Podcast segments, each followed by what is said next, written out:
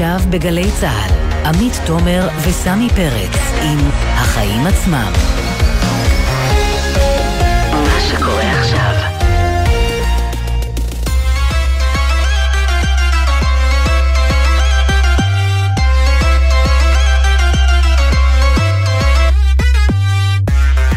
עכשיו שש וארבע דקות, אתם על החיים עצמם, התוכנית הכלכלית-חברתית של אה, גלי צה"ל, ואיתי באולפן נמצא היום אה, סמי פרץ, שלום סמי. שלום עמית. אז אה, גם היום בראש המשדר שלנו, איך לא הפלישה של רוסיה לאוקראינה, אחרי שאמש בהערכת מצב של משרד הכלכלה, המדינה הודתה לראשונה, ייתכן ונראה עליות מחירים בשל קשיי אספקה הנובעים מהלחימה באוקראינה. אנחנו ננסה להבין עם שר החקלאות עודד פורר איך מתמודדים עם זה. ועם מחירי הסחורות המזנקים. ואנחנו נהיה עם עירית בן דוב, שהיא מנכ"לית ספקית תערובת המזון לבעלי חיים מילו בר. אה, היא תהיה פה עם תחזית די קודרת, לפיה כל הדבר הזה יוביל להתייקרויות של החלב, הבשר, הדגים, הביצים, הלחם. נברר איתה מתי האיומים הללו על הכיס שלנו צפויים להתממש. ואם הזכרת את אה, עליות המחירים, הנה התייקרות אחת שכבר קורית באוזני המן, לכאורה בגלל התייקרות חומרי הגלם, אלא שעינב קרנר תחשוף פה בפינתה למה זה עולה לנו שהיצרנים בכלל לא העלו מחירים, והיחידות שמרוויחות מההעלאה שאתם אה, מרגישים בסופר הן הרשתות הגדולות, שנדמה שפשוט מנסות לרכוב על הגל הזה. נדבר בהרחבה גם על תוכנית הסיוע לעצמאים, שסוף סוף אה, נחשפת אחרי חודשים. חודשים בעצם אחרי תחילת הגל האומיקרון, ואנחנו ננסה להבין עם ראשי ארגוני העצמאים, רועי כהן ורמי בז'ה, האם מה שלשיטתם מגיע מאוחר מדי הוא גם מעט מדי. ונהיה עם ספק בשורה לענף הקנאביס. משרד הבריאות אישר היום את השימוש בתמציות CBD בישראל, דבר שבעולם הוא כבר טרנד בתרופות, תוספי תזונה, קוסמטיקה ועוד, אבל כשקוראים את האותיות הקטנות מבינים שאולי זה כבר לא סם, אבל הדרך עד שנוכל לצרוך מוצרים עם התמציות הללו עוד ארוכה. אבל אה, קודם כל ולפני הכל, סמי, מה הכותרת שלך היום? אז היועצת המשפטית של הכנסת, שרית אפיק, הודיעה ממש לפני שעה קלה שחברי כנסת שנהנים מהפנסיה הצבאית ומקבלים את מה שנקרא הגדלת הרמטכ"ל, אותה תוספת אה, פנסיה ספק חוקית, יוכלו להשתתף הערב בהצבעה על הלבנת אותה תוספת. אז אה, היא אמנם קבעה שאותם ח"כים אה, יידרשו לגילוי נאות, בו יודו שהם מקבלים את הגדלת הרמטכ"ל, את הפנסיה הצבאית, אך העמדה שלה שונה מזו של המשנה ליועץ המשפטי לממשלה, שחשב שהם לא צריכים להצביע, לפחות השרים לא. אז בדקתי, ורשימת הח"כים והשרים שמקבלת את הפנסיה הזו מאוד ארוכה. מירי רגב, ואורנה ברביבאי, ויואב קיש, ואלעזר שטרן, ומתן כהנא, ועומר בר-לב, ונחמן שי, ויאיר גולן, יואב גלנט, ועוד כמה ח"כים. וואו. כולם מקבלים את התוספת הזאת. וזה בנוסף, נגיד, למשכורת נדיבה, שגם אותה הם מקבלים מהמדינה מדי חודש בקריירה השנייה שלהם, כלומר, הם לא ממש יצאו לפנסיה. בדיוק, אז זו הזדמנות טובה להיזכר בנימוק, מדוע אנשי צבא בכלל מקבלים פנסיה בגיל 45, כי הם נפלטים לשוק העבודה בלי פרנסה. אז הנה, כמה פנסיונרים של צה"ל מצאו פרנסה והוכיחו שיש חיים באזרחות ולא סתם מצאו ג'וב, אלא ח"כ או חבר כנסת בממשלת ישראל, אה, או שר בממשלת ישראל, אז מדוע הם זקוקים להגדלת הרמטכ"ל? הם הרי מקבלים שכר גבוה גם בכנסת, כמו שאת אומרת. כן. מדוע? כי אפשר. תשמע, יהיה מאוד מעניין לראות איך הם אה, יצביעו. דיברנו פה בשבוע שעבר עם אה, יאיר אה, גולן, אולי צדיק בסדום אם תרצה, שהודה אני מקבל את זה ואני לא חושב שאני מוכרח, אבל יש הרבה אחרים, ויהיה מעניין גם לראות איך האופוזיציה כן. מגיבה לזה. כלומר, חברי האופוזיציה שמקבלים את הקצבה, כשזה מגיע לכיס שלהם, בדיוק. מה הם מצביעים. הכותרת שלך, עמית. אז משרד האוצר מפרסם לפני שעה קלה את תוכנית מכס אפס, שהיא חלק מהמהלכים שהובטחו בתוכנית להתמודדות עם יוקר המחיה. בין היתר הם מודיעים שיבוטלו המכסים על ריהוט, שכיום עומד על 12 אחוזים, תרופות, מוצרים רפואיים, נייר טואלט, ספרי צביעה לילדים, חומרי גלם לתעשייה, והרשימה עוד ארוכה. מה שעוד מפתיע זה העיתוי, כי רק הבוקר בוועדת הכלכלה של הכנסת, היושב ראש מיכאל ביטון פוצץ את הישיבה בעצבים, אחרי שבאוצר הגיעו לא מוכנים. את הפירוט הזה שהם מציגים עכשיו, הם טענו שעוד אין להם מוכן בשעות הבוקר, ולכן לא העבירו אותו לחברי הכנסת כדי שיוכלו לעבור על החומר. זמן קצר לאחר מכן זה לפתע מתפרסם, אבל אתה יודע מה? זה לא החלק הבאמת מרגיז, כי הדיון ביקש לעסוק בשאלה מתי תהיה השפעת הורדת המחירים הצפויה ומה היא תהיה.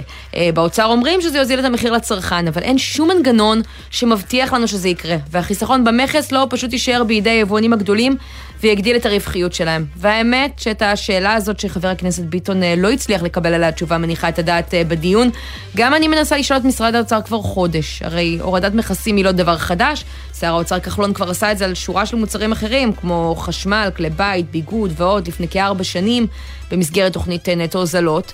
אז היית מצפה שבמשרד האוצר יבדקו מה זה עשה למחירים. אז זהו, יש מחקר של mm-hmm. מרכז המידע והמחקר של הכנסת, שמצא שחלק גדול מהורדת המכסים נשארת אצל אותם יבואנים, הם לא מגלגלים את זה לצרכן, מה שאומר שכנראה השוק לא תחרותי מספיק. זה כן. יכול לקרות רק כשהשוק לא תחרותי.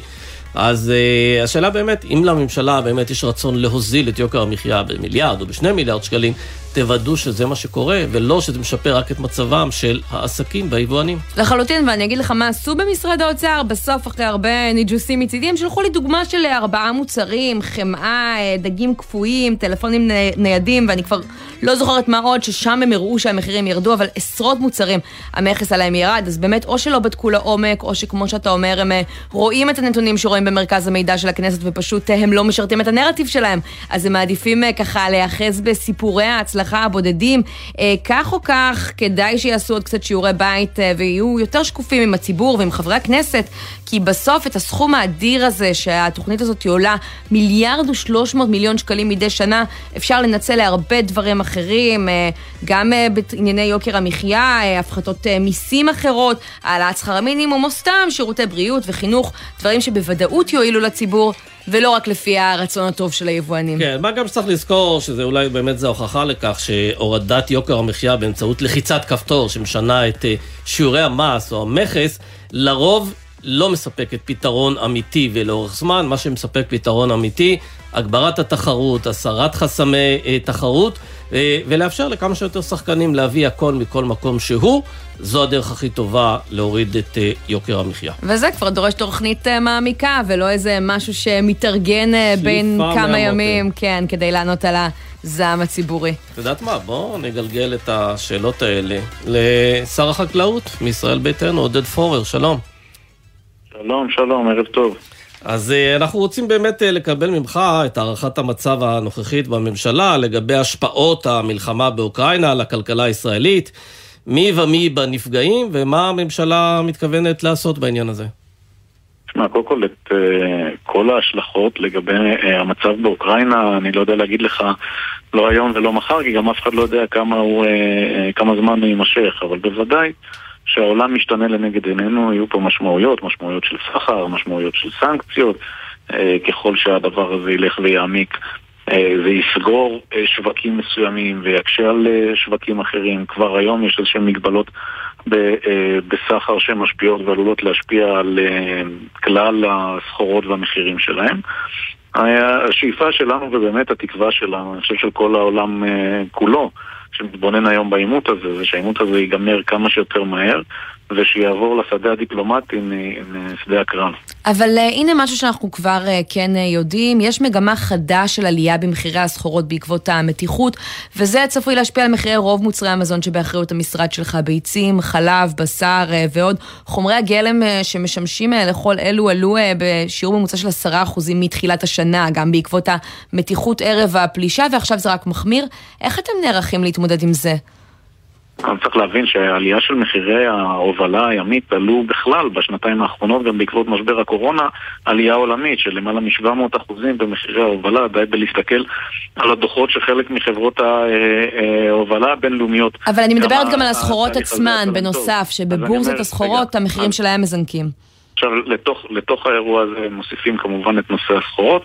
מבחינת ההשפעה הישירה, דווקא כאן אה, אני חייב לומר, גם בנושא החיטה, גם בנושא המספוא אה, לבעלי חיים, אנחנו סך הכל אה, נמצאים במצב טוב. עוד פעם, לא יודע כמה זמן האירוע הזה יימשך, אבל אנחנו ערוכים, שנערכנו מטבע הדברים, תמיד נערכים לגבי הנושאים האלה. צריך לזכור שחיטה כמעט ולא מגדלים בישראל, בין 10 ל-15% מהחיטה אה, בלבד מגודלת במדינת ישראל. השנה גם את ה-10-15% האלה מראש כבר רכשו אותם ביבוא, מאחר ואנחנו נמצאים בשנת שמיטה, זה דווקא משרת את אותנו מהבחינה הזאת, שיהיה לנו את זה, ובמידה ולא, אז יש את החידה שצומחת כאן, שגם תוכל לשמש כמספוא לבעלי רגע, אבל אתה מדבר על מחסור או לא מחסור. אני מדברת על זה שלמשל יצרני הקמח אומרים, החיטה שאנחנו קונים תכף תהיה יקרה יותר. בסדר, בכמה שבועות הקרובים יש לנו מלאי של חיטה, אבל אחרי פסח... ברור לחלוטין שככל הנראה תהיה עליית מחירים. אני לא יודע להגיד לך כמה היא תהיה, אני מדבר על הסחורות עצמן כשהם ירכשו אותה. לפחות היום, נכון לנקודת הזמן היום, הסחורה הזאת כבר נרכשה מראש. צריך להבין שבתחומים האלה יש מה שנקרא גידור, אתה קונה מראש אה, אה, תקופה קדימה, אתה חלק מזה גם משוריין, בין אם זה במחסנים של היבואנים, בין אם במחסנים אחרים, אז אני יודע שלפחות לתקופה הקרובה אנחנו לא צופים את הבעיה הזאת. אבל כן, בהחלט, כל העולם כולו, צריך להבין, אוקראינה למשל היא מחסן התבואה של אירופה. כל העולם כולו מסתכל על הנושא הזה, מלחמות הן יקרות. אז זהו, השאלה אם תוך כדי המלחמה הזו... את מחירי הדלק, כן. את מחירי הדלק, אי אפשר, אי אפשר להגיד, את יודעת, אני לא יודע להגיד לך את... אה, אה, עכשיו שהשווה את זה שר האוצר, אני חושב השוואה נכונה, שעכשיו באמצע אה, רעידת אדמה, אתה אומר, טוב, אז אני אשפוך עוד מלט לבניין ואני אפתור את הבעיה. יש פה עכשיו אירוע שהוא אירוע מלחמתי, צריך לראות לאן האירוע הזה לוקח אותנו. לא, העניין הוא, השר פורר, שתוך כדי מלחמה, השאלה אם אתם נותנים דעתכם גם ליוקר המחיה, או שהעניין הזה בא לכם טוב, כי זה מסיח את דעת לא. הציבור מהמחירים ועליות המחירים, ויש איזה תירוץ טוב להיאחז בו. כי אנחנו יודעים שחלק מהמחירים הגבוהים בישראל, בישראל קשורים גם למבנה הכלכלה הישראלית, לריכוזיות, למונופולים וכדומה. נגעת בדיוק בנקודה, אני חושב שגם קודם שמעתי פשוט את סיכום דבריך והם נכונות. מלחמה ביוקר המחיה היא לא בלחיצת כפתור. היא לא בזה שעכשיו אני אתערב במשהו שקשור, אני יודע, במחירי הסחורות או בהובלה כזאת או אחרת, אלא באמת שינוי מבני של המשק שצריך לשכלל בו את התחרות. אנחנו עושים את זה בהרבה מאוד אספקטים. כולם נוח להם לדבר על הפחתת הנכסים, כי זה הדבר שקל להסביר אותו אולי לציבור מצד אחד, אבל יש פה שורה ארוכה של צעדים שאנחנו צריכים לעשות.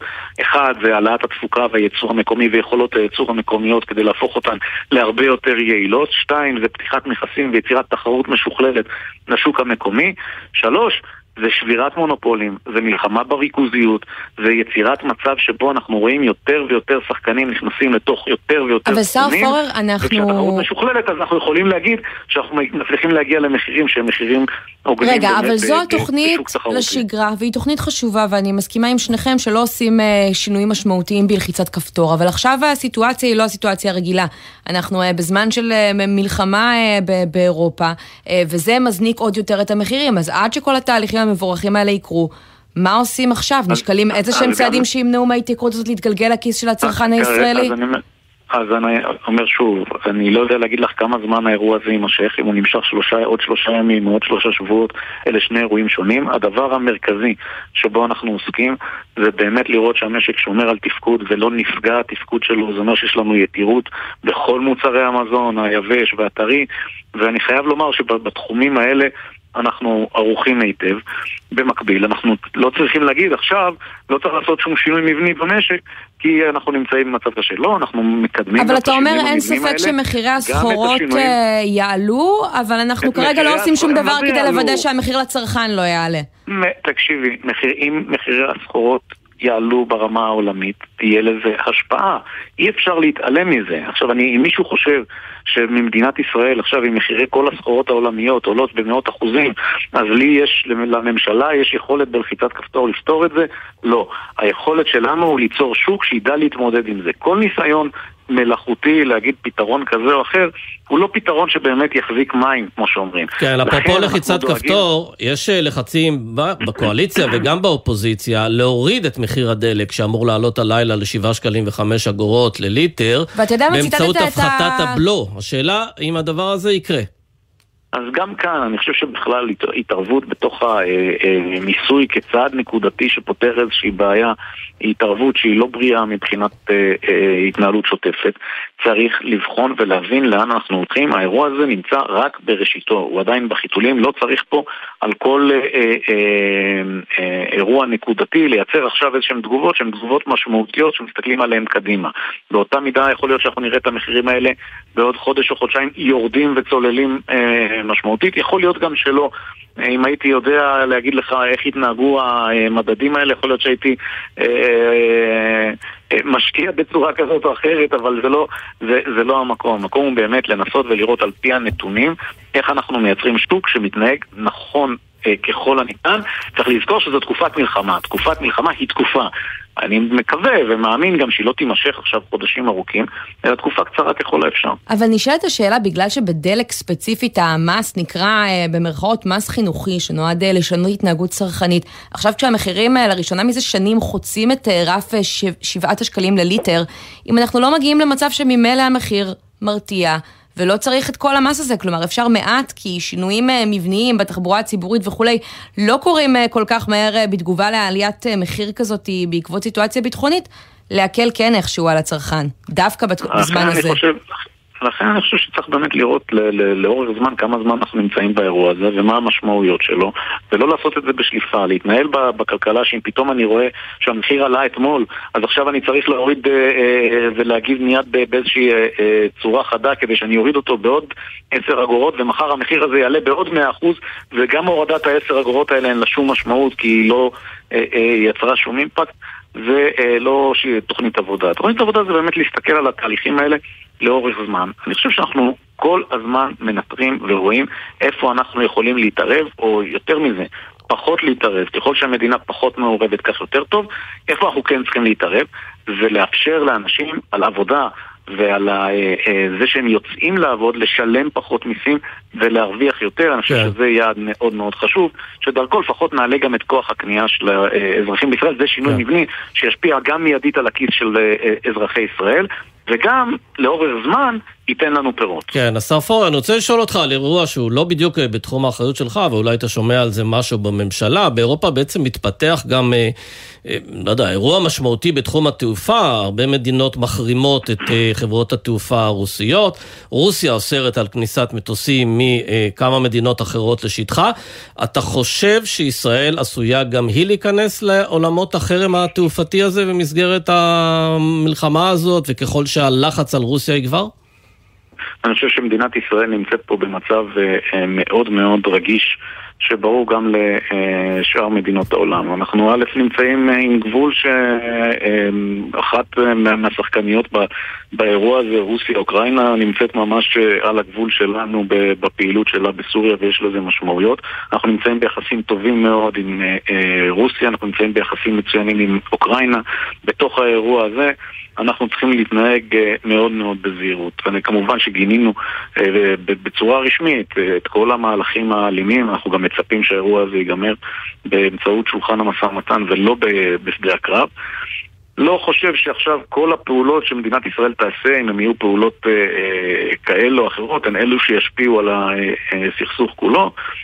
צריך לזכור שגם יש לא מעט ישראלים באוקראינה וברוסיה, יש לא מעט אזרחים רוסים ואזרחים אוקראינים שחיים כאן, האירוע הזה עבורנו הוא משמעותי. אני כן יכול לומר שאנחנו מאוד פעילים בצד ההומניטרי. אני לא חושב שיש עוד מדינה שפעילה כל כך כדי להוציא את אזרחיה, או לא רק את אזרחיה, אלא גם את היהודים או את מי שהם זכאי חוק שבות מאוקראינה ומאזורי סכנה. באמת כל הגורמים מעורבים בזה, ממשרד העלייה והקליטה, עבור במשרד החוץ, משרד האוצר, נתיב, גורמים ממשלתיים וגם גורמים לא ממשלתיים. יש פה מבצע אה, לא פשוט, ואני חושב ששם אנחנו בהחלט צריכים לרכז את המאמצים שלנו. כן, פרסמנו אה, בשבוע שעבר כאן אה, בגלי צה"ל, עוד לפני אה, הכניסה של רוסיה לאוקראינה, כי אתם מגבשים בימים אלו מתווה שימנע את עליית מחירי מוצרי חלב המפוקחים עם המחלבות והרפתנים, שכל אחד מהם אמור במסגרתו לספוג חלק מההתייקרות, ובתמורה השימוש במנגנון הקיים של מחיר המטרה יימשך, וזה באמת כדי להתמודד עם עליות המחירים, ועכשיו ביתר שאת. איפה הדבר הזה עומד לאור ההתפתחויות? אנחנו נמצאים בדיוק באותו מקום, יש פנייה שהייתה של אחת המחלבות לוועדת המחירים, בבקשה להעלות מחיר. הנושא הזה נמצא בדיונים בתוך ועדת המחירים. אנחנו לשיטתנו בהחלט עושים כל מאמץ כדי שלא נראה כאן עליות מחירים, בוודאי בשוק שהוא כל כך מתוכנן וכל כך מעורב מבחינת המדינה. צריך לזכור שלצערי מחירי החלב במדינת ישראל, חלב ומוצר פרף יקרים ב-80% מהמחירים שלהם במדינות ה-OECD.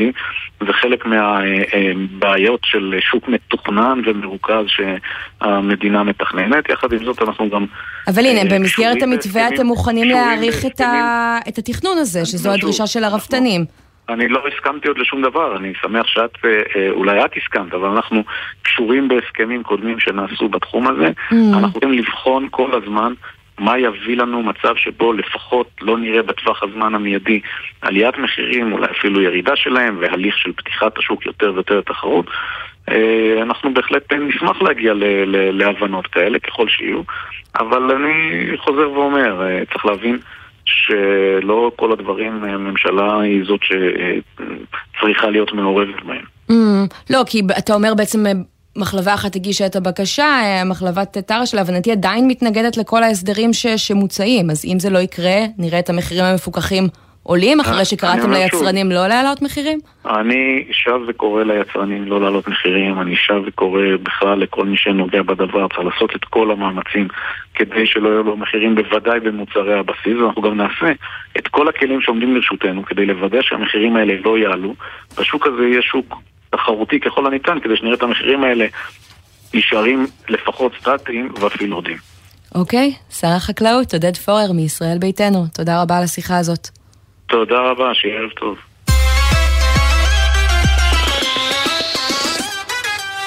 ובאותו עניין אנחנו רוצים לדבר עם הצד השני של המשוואה עכשיו, עירית בנדוב, מנכ"לית אה, מילובר, ספקית אה, תערובות אה, מזון לבעלי חיים, שלום.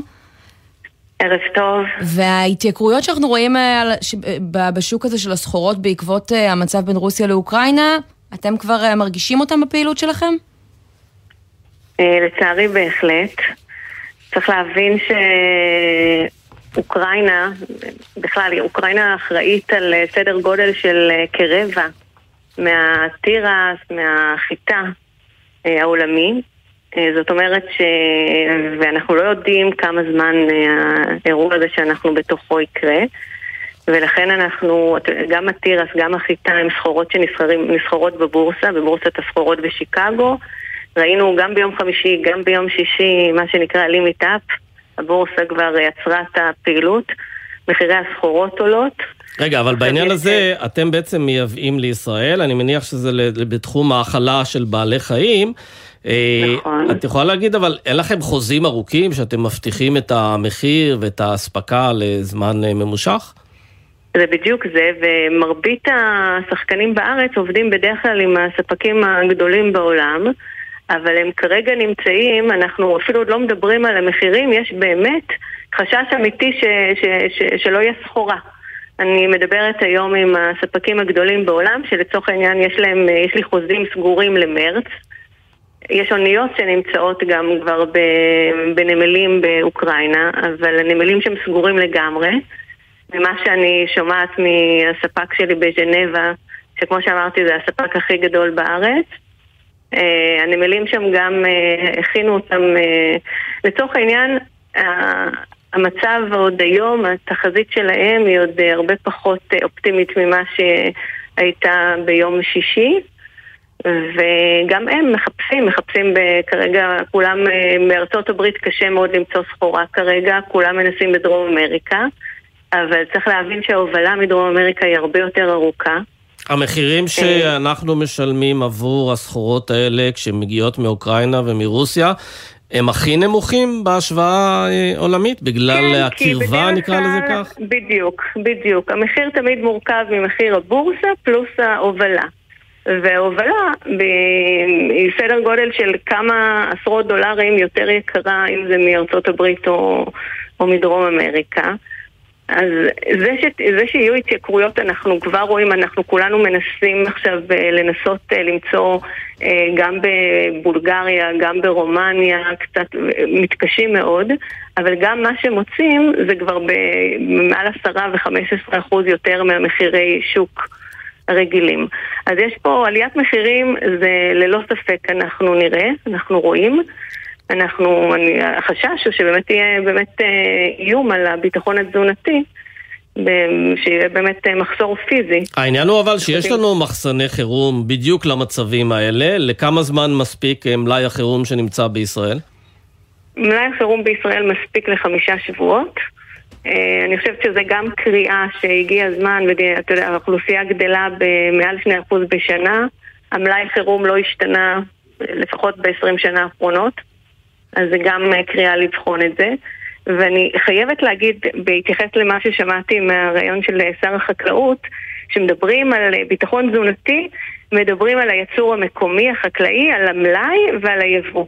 אז עם כל הרצון, ואני כל כך מבינה את זה, ואני לא מזלזלת ביוקר המחיה, אבל אני חושבת שאירועים כמו היום מוכיחים לנו עד כמה חשוב גם התוצרת המקומית, לא לשפוך את התינוק עם המים. אבל זה לא שאנחנו נחזור עכשיו לגדל חיטה בעקבות האירוע הזה. וגם זה גם לא שמישהו יוותר על שנת השמיטה בעקבות אירוע כזה. אחד. חיטה זה משהו אחד, אני מדברת על, המגדלי, על גידול בעלי חיים. כל הזמן מדברים על הרצון של, אה, של לפתוח את היבוא, לעודד תחרות, אבל אני חושבת שאנחנו כמדינת אי, ואנחנו רואים מה המשמעות שאנחנו תלויים, בכל מקרה אנחנו תלויים ביבוא, בחומרי הגלם, אז תארו לעצמכם שבמצב כזה אנחנו גם נהיה תלויים ב- ביבוא של, אה, של תוצרת טרייה, של עופות, של אה, מוצרי חלב וכדומה. אז אני, כמו שאמרתי, אני לא מזלזלת ברצון לעודד את התחרות. ו- ולפתור את בעיות המחירים, אבל צריך uh, לשמור גם על החקלאות המקומית. כן, תגידי, וכשאת אומרת שאתם uh, צופים uh, עליות uh, מחירים, על איזה מוצרים אנחנו uh, מדברים להערכתך, ומתי נראה את זה קורה, מתגלגל לצרכנים? כן. אנחנו, תראה, אנחנו, את העליות, אנחנו כבר בתקופה של עליות מחירים, צריך להבין שגם הדולר uh, עלה בכמעט חמישה אחוז מתחילת השנה. אז אנחנו גם ככה נמצאים אה, בלחץ מאוד גדול על המגדלים. אנחנו מדברים כמובן על כל מוצרי הבסיס, אם זה מוצרי החלב, הביצים, העופות, הבשר, כל המוצרים האלה. אז בסופו של דבר מתחיל מאיתנו, יתגלגל וגם אנחנו סופגים, חלק גדול מאוד מהעליות אנחנו סופגים. זה יתגלגל למגדלים, שגם ככה החקלאים, שגם ככה מצבם לא פשוט. ויגיע עד הצרכן הסופי, ופה יהיה, אבל אין ספק, אנחנו, זה הכל תלוי עד כמה, עד, עד כמה האירוע הזה ייקח, אבל אה, ללא ספק יהיו עליות, ולצערי עליות אה, משמעותיות. כן, אני, להבנתי, כי אם באמת יש מחסור חמור באספקה, אני מקווה שלא נגיע אליו, יש איזשהו, במצב חירום ממשי, יש איזשהו סדר עדיפויות להאכלת אה, חיות במצב כזה? כן, במצב כזה יש, אה, יש גופים אה, גם במשרד החקלאות שאמורים לתת באמת אה, איזה שהם עדיפות של איך, איך לטפל במצב הזה. מי יאכל קודם? מי יאכל קודם. בסוף, אתה יודע, אנשים צריכים לקבל מזון שהוא גם במחיר הגיוני וגם בריא. ויש אפשרות, מדינת ישראל, יש גם אה, תוצרת מקומית, יש גם פירות וירקות, נמצא את הדרך, אנחנו לא שם. צריך אה, להרגיע, אנחנו ממש לא שם. אבל uh, בהחלט יש, יש חשש שאנחנו כל יום בוחנים ומסתכלים על כל התרחישים האפשריים. אז אין צורך uh, לייצר uh, פאניקה. כן, כן. נצטרף אבל, לקריאה uh, שלך לא לייצר פאניקה. בינתיים יש מה לא, לאכול. לא, אין צורך לייצר פאניקה, אבל מה שאפשר לעשות זה גם, אני, אנחנו חוזרים ואומרים את זה, המצב בנמלים. בקצרה, כי אנחנו צריכים לסיים. כן, אז אמרתי רק קריאה האחרונה שהמצב בנמלים, אם אפשר, אפשר לעזור בזמן הזה ולשחרר קצת את התור התפעולי, יעזור לכולם. לא זמן לשיבושים בנמלים. עירית בן דב, תודה נכון. רבה. בבקשה.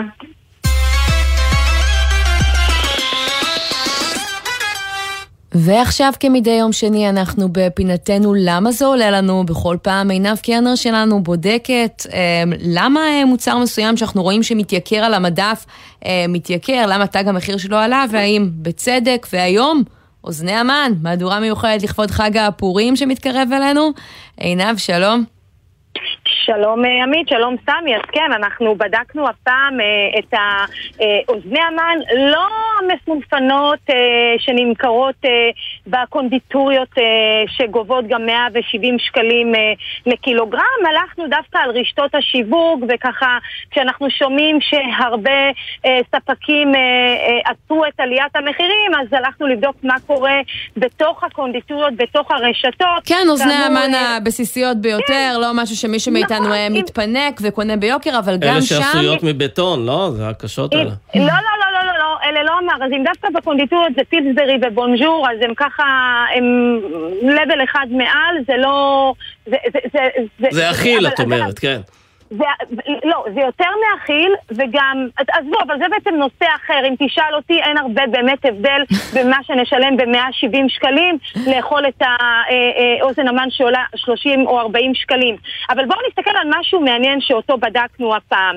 כן. אז כאמור, פילסברי ובונג'ור הם אלה שמשווקות את האוזני המן במשקל לרשתות השיווק, והלכנו ובדקנו מה קרה למחירים. אגב, המחירון הוא לשבוע שעבר לעומת 20 בפברואר. בפברואר, שזה שנה שעברה, שזה בעצם שבועיים לפני חג הפורים, רצינו ככה אה, לתת את אותו מדד אה, מבחינת התאריכים. Mm-hmm. ובשופרסטל דיל, למשל, אה, אה, באותה בדיקה שלנו, קילוגרם בקונדיטוריה עלה 39 שקלים, לעומת השנה 48 שקלים.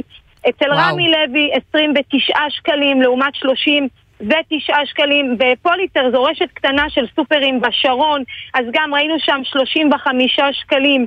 לעומת 45 שקלים, יותר מ-20 אחוז, ומעיין 2000, שם עלה בשנה שעברה 32 וחצי שקלים, לעומת 40 שקלים השנה. כלומר, זה ממש כאמור... זינוק, עינב, אבל uh, בעצם, uh, את יודעת, אנחנו רגילים לשמוע uh, תירוצים, כמו חומרי הגלם uh, מתייקרים, uh, והעלויות uh, ליצרן וכולי, אבל כשאת יורדת לעומק של שרשרת המזון, את מגילה שהבעיה היא בכלל לא שם.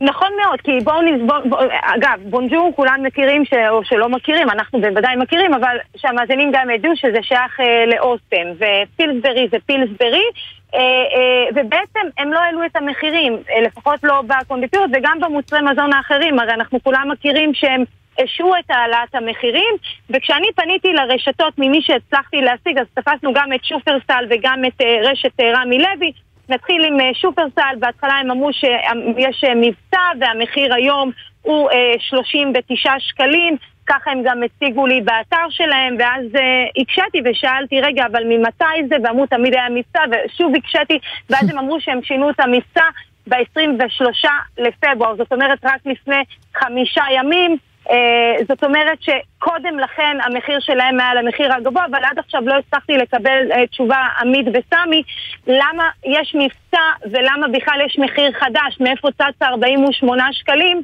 אז משופרסל תירוצים, רמי לוי. רמי לוי אומר שזה לא מדויק, זה לא נכון. שנה שעברה 29 זה היה בביסה, ולמרות שזה לא מופיע בפרייסס, והוא אומר שלקראת החג הוא מתכוון להוריד את המחיר, בזמן שכולם אוכלים אוזני המן.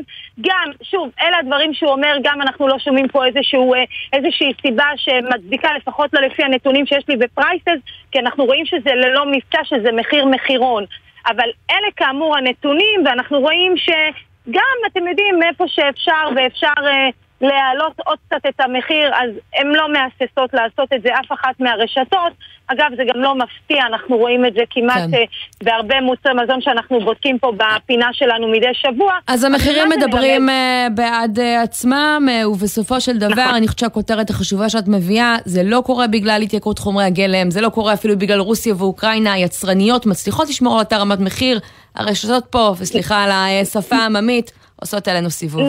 נכון, אבל כן, אבל כן חשוב לי להגיד פה שבדקנו לא רק את הרשתות האלה, וברוב הכללי אנחנו רואים שהרוב לא העלו את המחיר, אז זה גם צריך להיאמר, זה לא משהו גורף, אז אה, כן, אבל בהחלט את אה, תיארת את זה נכון ומקומם.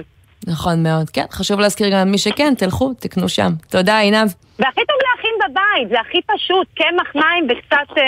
חומר מילוי. רשמנו את המתכון לעצמנו. בדיוק השבצתי פה לפני השידור באוזני האמן שאני מכינה, תכף יתקרב החג, נעשה לך אולי איזה מבחן טעימות. תודה, עינב. חג שמח. תודה.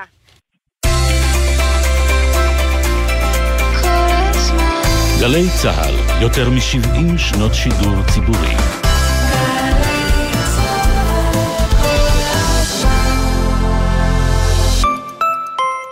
שלום, כאן רני איידלר, מנכ"ל תמיר, תאגיד המחזור של ישראל. היום יותר מתמיד, שמירה על הסביבה תלויה בכל אחת ואחד מאיתנו. לכן אני מבקש מכם להקפיד ולזרוק גם את אריזות הפלסטיק, כמו אקונומיקה, שמפו, חומרי ניקוי, מרכך כביסה ועוד, רק לפח הכתום. יחד נשמור על הסביבה. תמחזרו, זה מה שעושים היום. תמיר, חברה לתועלת הציבור. שלום, כאן הפרופסור מימי אייזנשטט, נשיאת האוניברסיטה הפתוחה. אני נרגשת וגאה לבשר על תוכנית דוקטורט חדשה באוניברסיטה הפתוחה, חינוך, בדגש על טכנולוגיות במערכות למידה. תוכנית חדשנית זו מיועדת להכשיר את הדור הבא של חוקרות וחוקרים שיוכלו להשפיע על מערכות הלמידה וההוראה מרחוק ברחבי הארץ. האוניברסיטה הפתוחה מובילים להצלחה. שלום, כניב סולטן, ורציתי לספר לכם שהפסקתי לזרוק והתחלתי להחזיר. כי כשאני זורקת בקבוקים לפח, אני זורקת על הסביבה, אבל כשאני מחזירה אותם לסופר, הם מתמחזרים והופכים להיות מוצר אחר, כמו בקבוק. אז אני לא זורקת, אני מחזירה,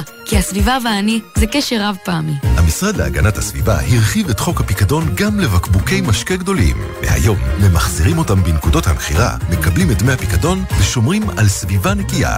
מפסיקים לזרוק, מתחילים להחזיר. פרטים באתר המשרד להגנת הסביבה.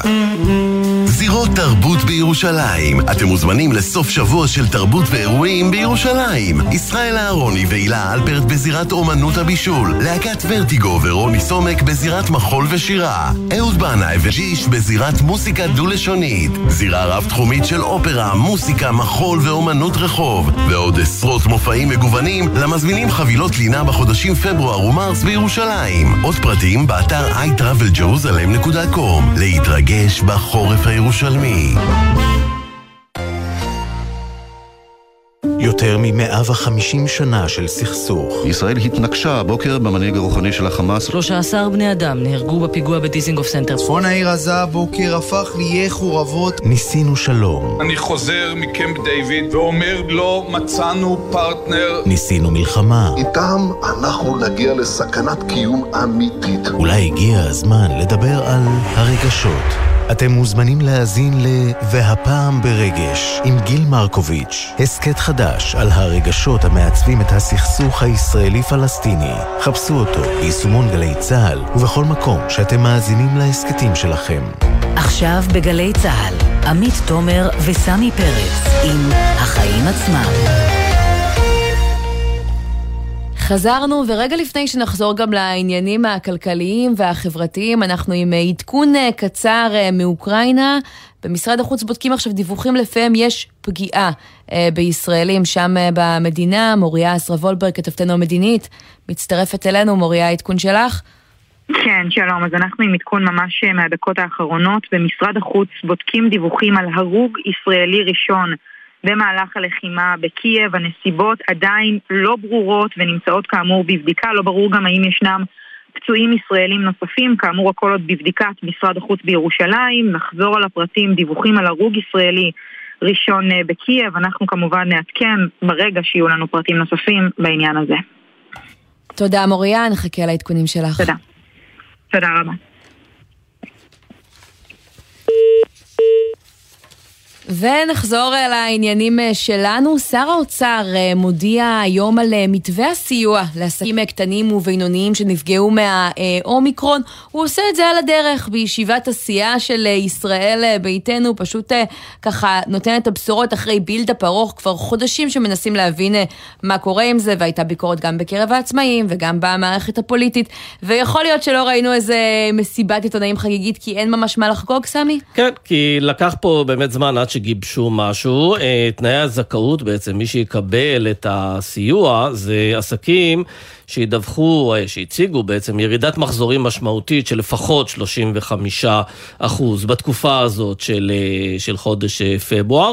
תקרת הסיוע תעמוד על עד 600 אלף שקלים אה, דו-חודשי, וגם עסקים חדשים, שזו הייתה בעיה משמעותית בעבר, עסקים חדשים שנפתחו בשנים 2020 ו-2021, אז ייקבע להם איזשהו מחזורי בסיס, שמהם בעצם יחליטו מהו המתווה הסיוע להם. כי בשורה... כשאין לך מה שנקרא רפרנס לתקופות קודמות, אז קשה לדעת בכמה הפגיעה נעמדת. אבל בשורה התחתונה זה לא קורה רק מאוחר, זה קורה גם מעט, כלומר פחות ממה שאנחנו רגילים בגלים הקודמים, ואנחנו רוצים להיות עכשיו עם שניים, רועי כהן, יושב ראש ארגון להב, ורמי בז'ה, יושב ראש פורום העצמאים מבית ההסתדרות, כדי להבין איך מקבלים את התוכנית הזאת בשטח. אז נתחיל איתך, רועי, שלום. ערב טוב, אנחנו בדיוק אחרי שסיימנו ישיבת חירום בלהב, באמת עם הענפים שנפגעו, כמו התיירות, כמו האירועים, כמו התרבות. והם כמו מרגישים שהם מקבלים מענה במתווה הזה? בסופו של דבר, הדבר הזה הגיע מאוחר מדי, בדיוק כמו שסמי פרץ אמר, מאוחר מדי. לא היה צריך לחכות שלושה חודשים כדי להביא את אותו מתווה, כדי שהאנשים האלה ירגישו ודאות, וגם שוב פעם משחקים עם המספרים ועם המדדים, ובעצם נקבע כבר בחקיקה שמעל 25% מצריך מתן פיצוי ומענה. אני לא מכיר עסק שמסוגל לשרוד יותר מחודש עם 35% ירידה. אני לא מכיר עסקים שמרוויחים סכומים כאלה. אם יש, אני מוכן להשקיע בהם, כי זה בעצם מה שמשרד האוצר אומר. אם אתה יש לך 100% הוצאות, ויהיה לך 70% הכנסות, אתה עדיין לא תהיה זכאי לשום פיצוי. אבל זו השאלה, הרי גם חלק מההוצאות, הממשלה גם כן סבסדה באיזושהי צורה. היא לא סבסדה בשלושה חודשים האלה שום סבסוד של שום דבר, הארנונה דווקא כרגיל, השכירות דווקא כרגיל, ההלוואות דווקא כרגיל, הכל עלה, כל ההוצאות עלו, החשמל עלה, המים עלה, כל הארנונה עלתה, שום דבר לא נעצר, ושוב פעם משחקים עם המספרים, תמיד היה קבוצה שזה קשור לעצמאים. מדוע לא לקבוע 25%? מדוע הוציאו את חודש דצמבר? הרי ההתפרצות החלה בחודש דצמבר, ושם עיקר הפגיעה מרגע שהודיע ראש הממשלה. כן, רועי, אבל באיזה ענפים ספציפיים אתה רואה שהפגיעה היא באמת פגיעה אה, משמעותית במיוחד? ואלה אנשים אולי גם ייפגעו מהשינוי הזה עכשיו בקריטריונים, כלומר קיבלו עד עכשיו ולא יקבלו יותר.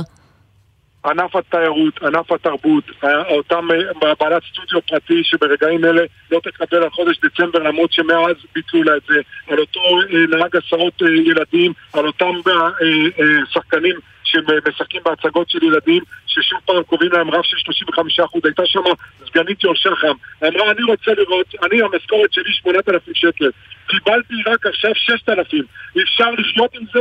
האלפיים שקל האלה הם קריטיים בשבילי, לשלם שכירות, לשלם את הארנונה. בא שר האוצר ואומר, לא, את תפסדת רק 2,000 שקל, את לא תקבלי פיצוי. למה? למה, למה לקבוע קריטריון, קבענו כבר קריטריון של 25 אחוז, למה, מה קורה פה, למה ליד הקבוצה הזאת, בין ה-25 אחוז ל-35 אחוז, אתה יודע כמה אלפי עסקים יפלו ולא יקבלו סיוע? אז אנחנו רוצים לצרף לשיחה את רמי בז'ה, שהוא יושב ראש פורום העצמאים מבית ההסתדרות, שלום רמי. ערב טוב. אני מבינה שאתה יותר מרוצה, יחסית. לא, מרוצה זה מילה קיצונית להגיד בעת הזו. מותר להודות שאדם מרוצה, מה קרה?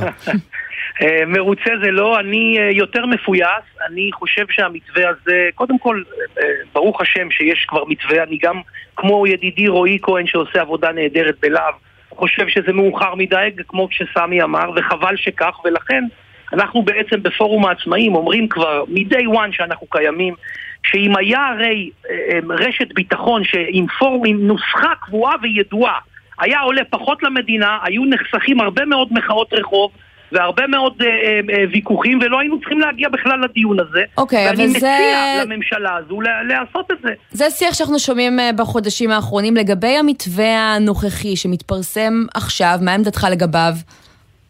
תראו, אני אומר שאני יותר מפויס, כי אני באמת חושב שהגל החמישי היה גל קצר, זה ההבדל היחידי ביני לבין רועי למעשה. אני כן חושב שמי שנפגע עמוק מעל 35 אחוז, בגל כל כך קצר זה בסדר גמור לתת לו. כי אם יש עסק שהוא לא יודע לספוג חודשיים אה, בירידה, אה, בירידה כזו אה, מינורית כזו או אחרת, אז באמת...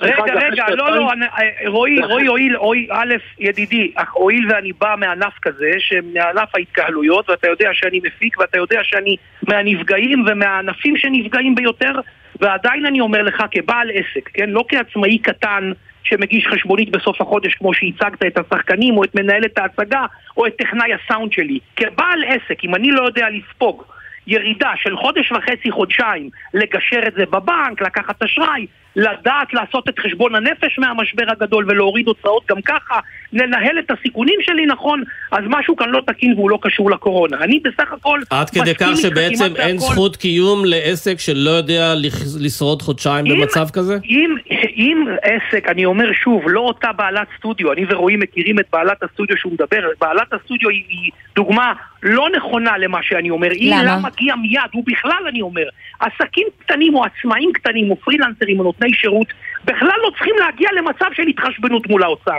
היו צריכים להזרים להם מיד כסף לחשבון בדיוק את אותם תנאים סוציאליים שיש לשכיר. אז מה יהיה עם אותם 15,000 עסקים קטנים כאלה? האם הם. מקבלים עכשיו מענה במסגרת המתווה או שהמענה לא מספק? לא, הם לא היו צריכים להגיע. הכעס שלי על האוצר והכעס שלי על ליברמן היה כל החודשים האחרונים על כך שהם לא הזרימו מיד את דמי הקיום. זה לא קשור לעסק, זה לא קשור לירידה במחזור. אבל מה עם זה שהם הגיעו?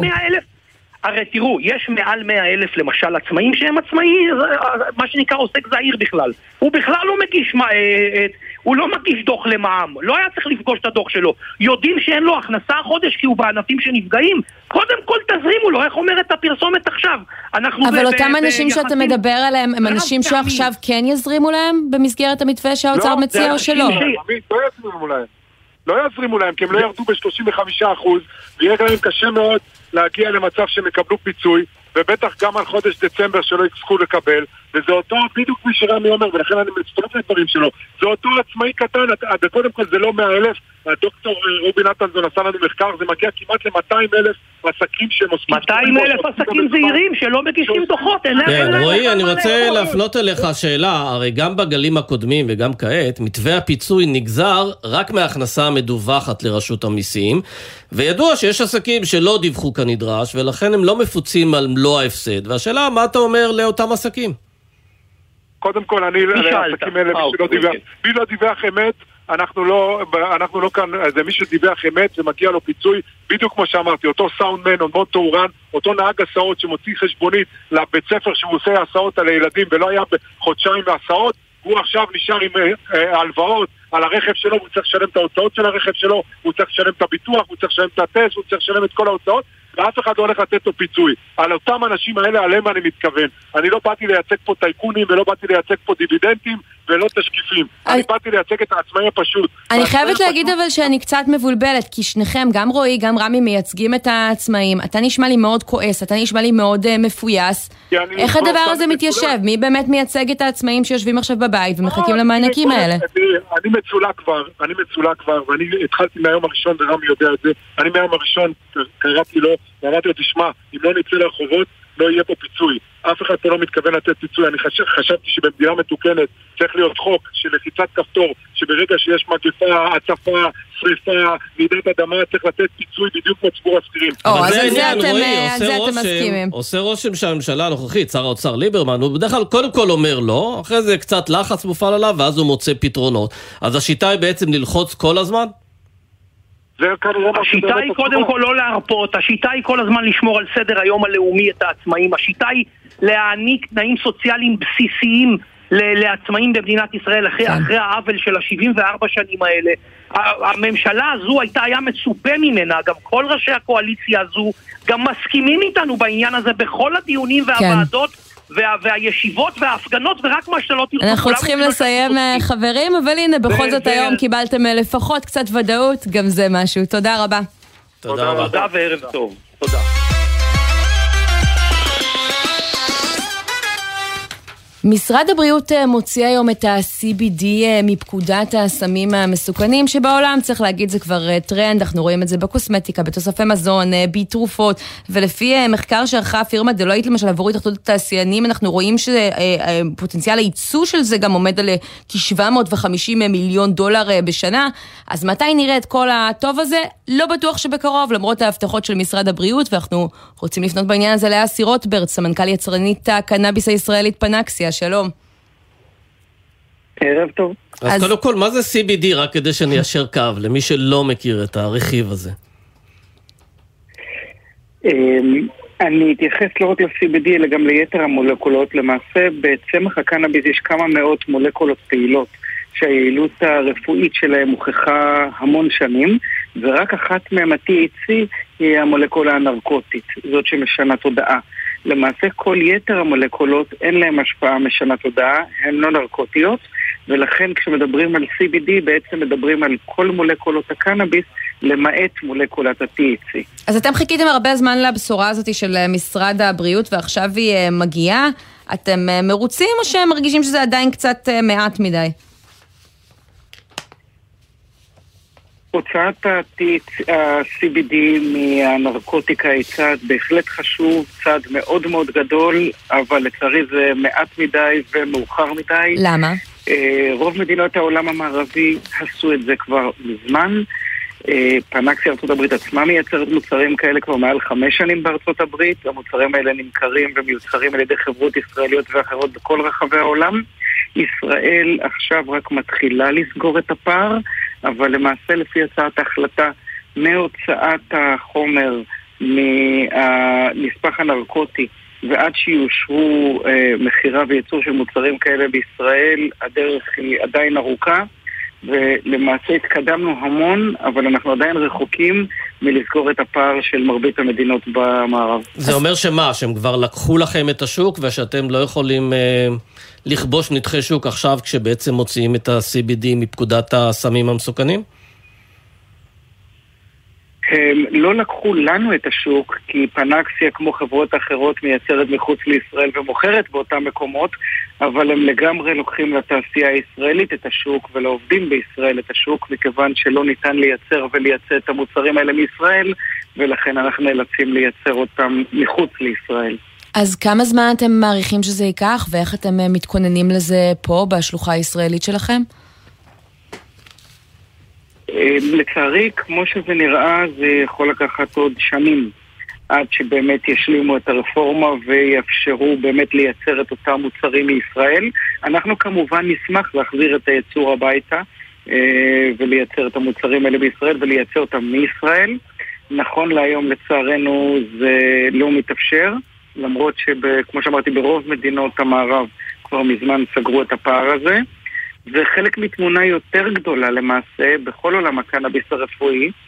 אה, לדוגמה, היום חברות ישראליות, פנקסיה, מייצרים ומוכרים באירופה ובארצות הברית תבליות מקנאביס רפואי, משאפים מקנאביס רפואי, מוצרי CBD, אה, מגוון רחב של מוצרים מתקדמים, שלצערנו לא זמינים היום לחולים בישראל, אה, ולכן אנחנו נמצאים במצב פרדוקסלי שמוצרים שמייצרות חברות ישראליות נמכרים בכל רחבי העולם, הם יותר בטוחים לחולים, הם יותר טובים לחולים. ובישראל אסור גם למכור בישראל... אותם עד היום, נכון? מתי זה צפוי להשתנות? עזוב ייצור, מכירה לצרכן. אה, לצערנו, אה, אנחנו לא רואים עדיין מתי זה יכול להיות, וזה רק ממחיש את האבסורד שטכנולוגיה ישראלית וקדמה ישראלית עוזרת לחולים בגרמניה, בצרפת, בארצות הברית, בקנדה. רגע, משרד הבריאות אומר היום, אנחנו בישראל... מוציאים את ה-CBD מפקודת הסמים המסוכנים, אפשר להתחיל לייצר, אבל עוד אי אפשר למכור? לסיום? נכון להיום לא ניתן למכור אה, מוצרים מבוססי CBD בישראל כתזונה או כתוספי תזונה או כקוסמטיקה עד שהעניין יוסדר בישראל. אז זה כבר לא נרקוטי, אבל מצד שני לא כן. הוסדר כיצד זה כן. אז אה, אסי רוטברט, אנחנו חייבים לסיים, אבל נמשיך לעקוב אחרי הנושא הזה. תודה רבה על הדברים האלה. ונגיד תודה לעורך שלנו אלעזר סלוטקי, למפיקות יפעת גלר, עשאל פלד, ערן גולני מפיק, על הביצוע הטכני שור, שון טרסקונוב, ובדיגיטל תלמה אינגבר. עמית תומר, תודה לך. תודה רבה סמי, ואנחנו נהיה פה גם מחר. מוזמנים להצטרף.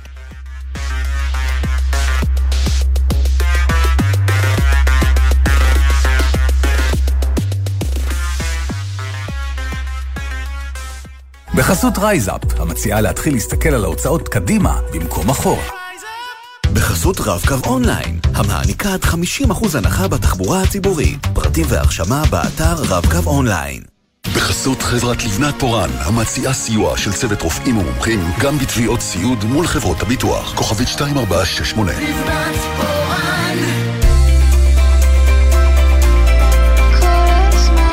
גלי צה"ל, יותר מ-70 שנות שידור ציבורי.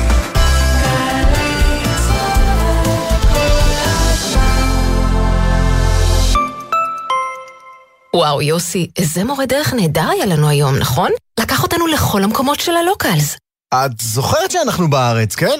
בואו עם כל המשפחה והחברים לסיור חינם עם מורה דרך שייקח אתכם לכל המקומות שרק המקומיים מכירים. משרד התיירות מזמין אתכם לגלות את ישראל היפה וליהנות ממגוון סיורים ודרכים חינם בערים ובאתרי הטבע. הביקור בחלק מאתרי הטבע כרוך בדמי כניסה. היכנסו עכשיו ל-i-israel.co.il ובחרו סיור חווייתי עם מורה דרך חינם. משרד התיירות מהביאנלה בוונציה לתל אביב, השקת בכורה בישראל, בית חולים שדה איקס, עכשיו במוזה, מוזיאון ארץ ישראל תל אביב. יש להזמין תור מראש באתר המוזיאון. עזריאלי, מכללה אקדמית להנדסה, ירושלים.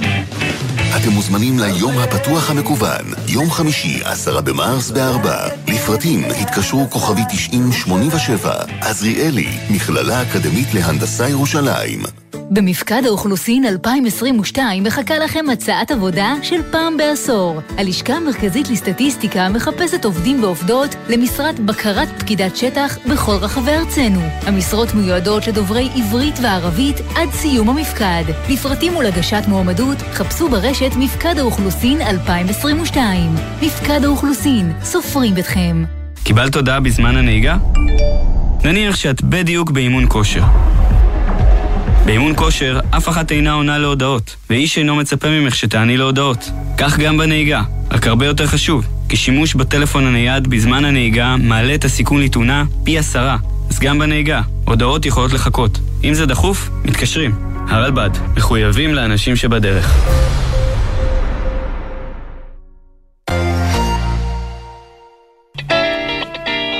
חוזרים לנואבה, מסע מוזיקלי חד פעמי דרך הלהיטים הגדולים של פסטיבל נואבה עם אריאל זילבר, גיא מזיג, דורי בן זאב, יוני רכטר, רונה קינן ועוד.